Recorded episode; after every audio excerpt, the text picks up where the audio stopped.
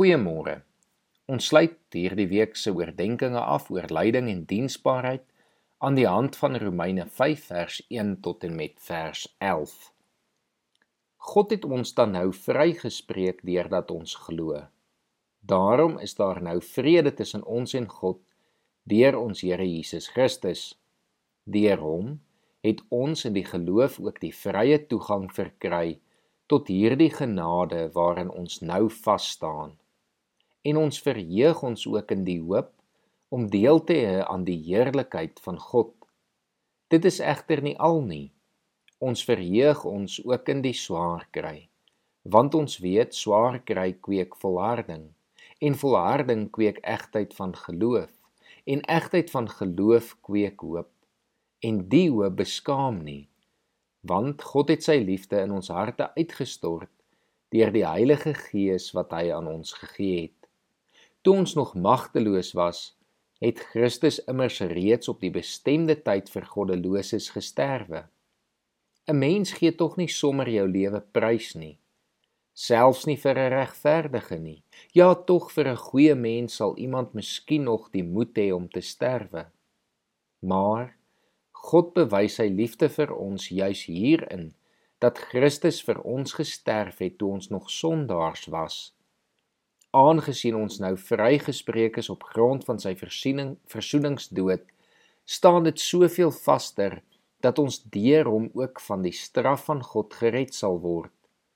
Aangesien ons toe ons nog vyande was, deur die dood van sy seun met God versoen is, staan dit soveel vaster dat ons nou dat ons versoen is deur die lewe van sy seun gered sal word. Maar dit is nie al nie. Ons verheug ons ook in God deur ons Here Jesus Christus, deur wie ons nou die versoening ontvang het. Ons kan nie swaar kry in hierdie wêreld ontken nie. Elkeen van ons het ergens alself swaar gekry. Daar is egter twee vrae wat baie belangrik is wanneer ons oor lyding nadink. Die eerste vraag is wat doen God aan hierdie lyding? Romeine vertel vir ons dat God al reeds iets aan die lyding van die wêreld gedoen het. Hy het die lyding van die wêreld op hom geneem en hy het uiteindelik aan die kruis gesterf sodat ons gered kan word. Deur hierdie lyding op hom te neem, het hy die uiteinde van alle lyding die dood oorwin.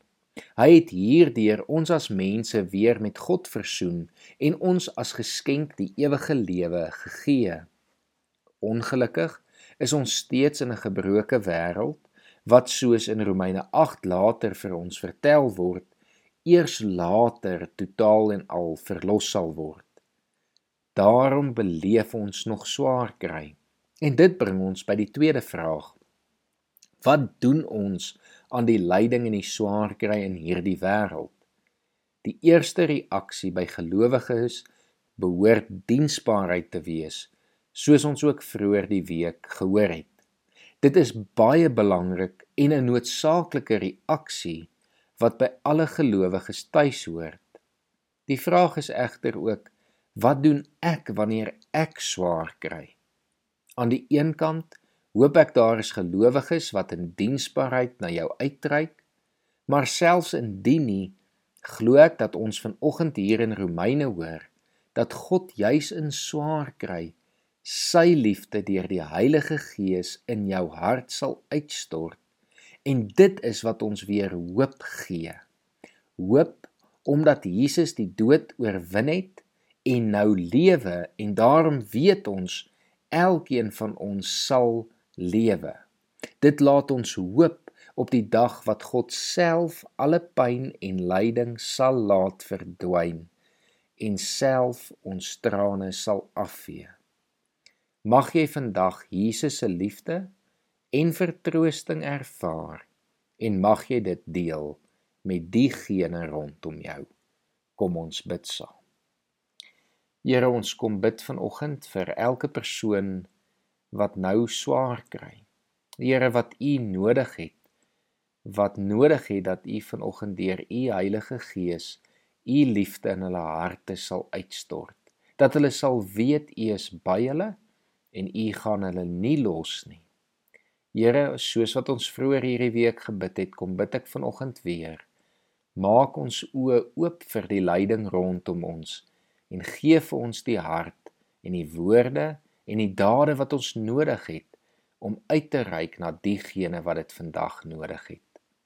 Here, maar ons kom dankie ook vanoggend dat ons kan uitsien, kan hoop op die dag wat vir ons beskryf word waar U self ons trane gaan afvee en die dood en die pyn en die lyding en die swaar kry van hierdie wêreld nie meer sal bestaan nie. Ons loof U dat U dit al reeds bewerk het deur Jesus Christus wat dit oorwin het. In Jesus naam bid ons dan. Amen.